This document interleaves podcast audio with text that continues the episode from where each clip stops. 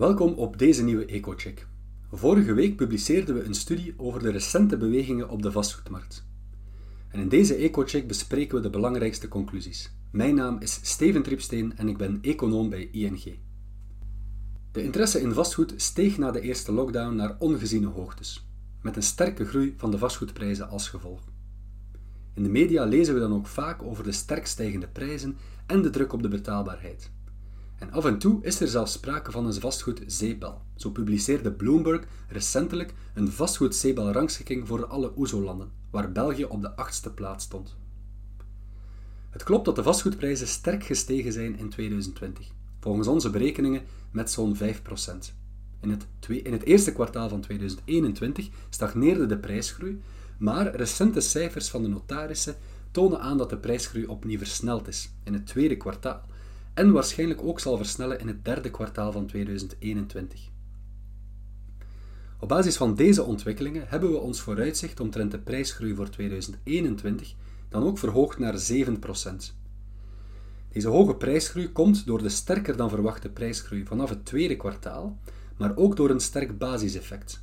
Het sterke basiseffect is er doordat de mediaanprijs in het eerste kwartaal van 2020 wat zakte en in het laatste kwartaal van 2020 sterk toenam.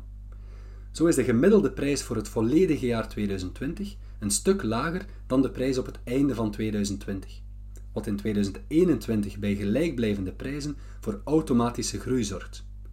Stel dat de mediaanprijs in de laatste drie kwartalen van 2021 niet meer zou groeien, dan zou de prijsgroei in 2021 in vergelijking met 2020 uitkomen op 4,6%, wat dus door het basiseffect komt.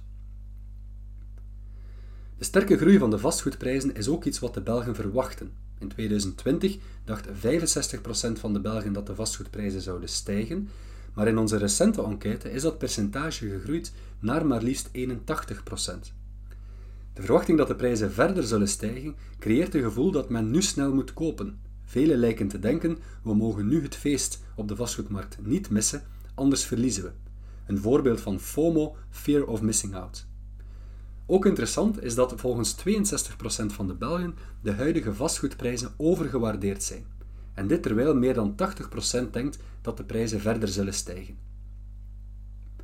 Een andere graadmeter om een mogelijk overdreven optimisme omtrent vastgoed te meten, is het percentage van de bevolking dat denkt dat de vastgoedprijzen nooit kunnen zakken.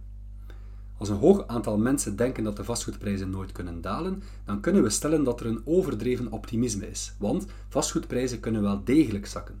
Het verleden heeft dit al meermaals aangetoond. In België was er een stevige vastgoedcrash begin jaren 80 en tijdens de eurozonecrisis zakten de prijzen fors in onder andere Nederland en Spanje. Volgens onze recente peiling is het percentage dat denkt dat de vastgoedprijzen nooit kunnen zakken vandaag gelijk aan 59% van de Belgen een stijging in vergelijking met 2020 van 11 procentpunten. Dit impliceert dus dat de Belgen opnieuw optimistischer kijken naar de vastgoedmarkt.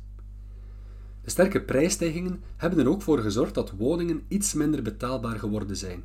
En de Belgen zien de toekomst voor jongeren die eigenaar willen worden ook niet zo rooskleurig in. Volgens onze enquête denkt 72% van de Belgen dat jongeren de komende drie jaar moeilijker zullen hebben om eigenaar te worden. Deze situatie voedt het FOMO-gevoel, want als het straks nog moeilijker wordt, is het beter om nu te kopen. Ten slotte wil ik het ook nog hebben over de voorkeuren van de Belgen omtrent hun woning.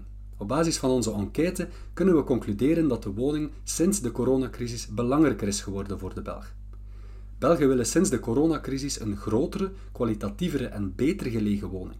35% van de Belgen zegt dat buitenruimte belangrijker is geworden Bijna 1 op 4 van de Belgen vindt dat een leuke buurt en vriendelijke buren belangrijker zijn geworden en ook de nabijheid van allerhande voorzieningen, zoals parken, scholen en winkels, winnen aan belang.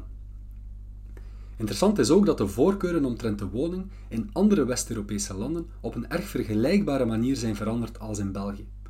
In Duitsland, Nederland en het Verenigd Koninkrijk zijn de top drie kenmerken die het meest aan belang wonnen identiek met die van België een goede internetverbinding, meer buitenruimte en een woning in een leuke buurt met vriendelijke buren.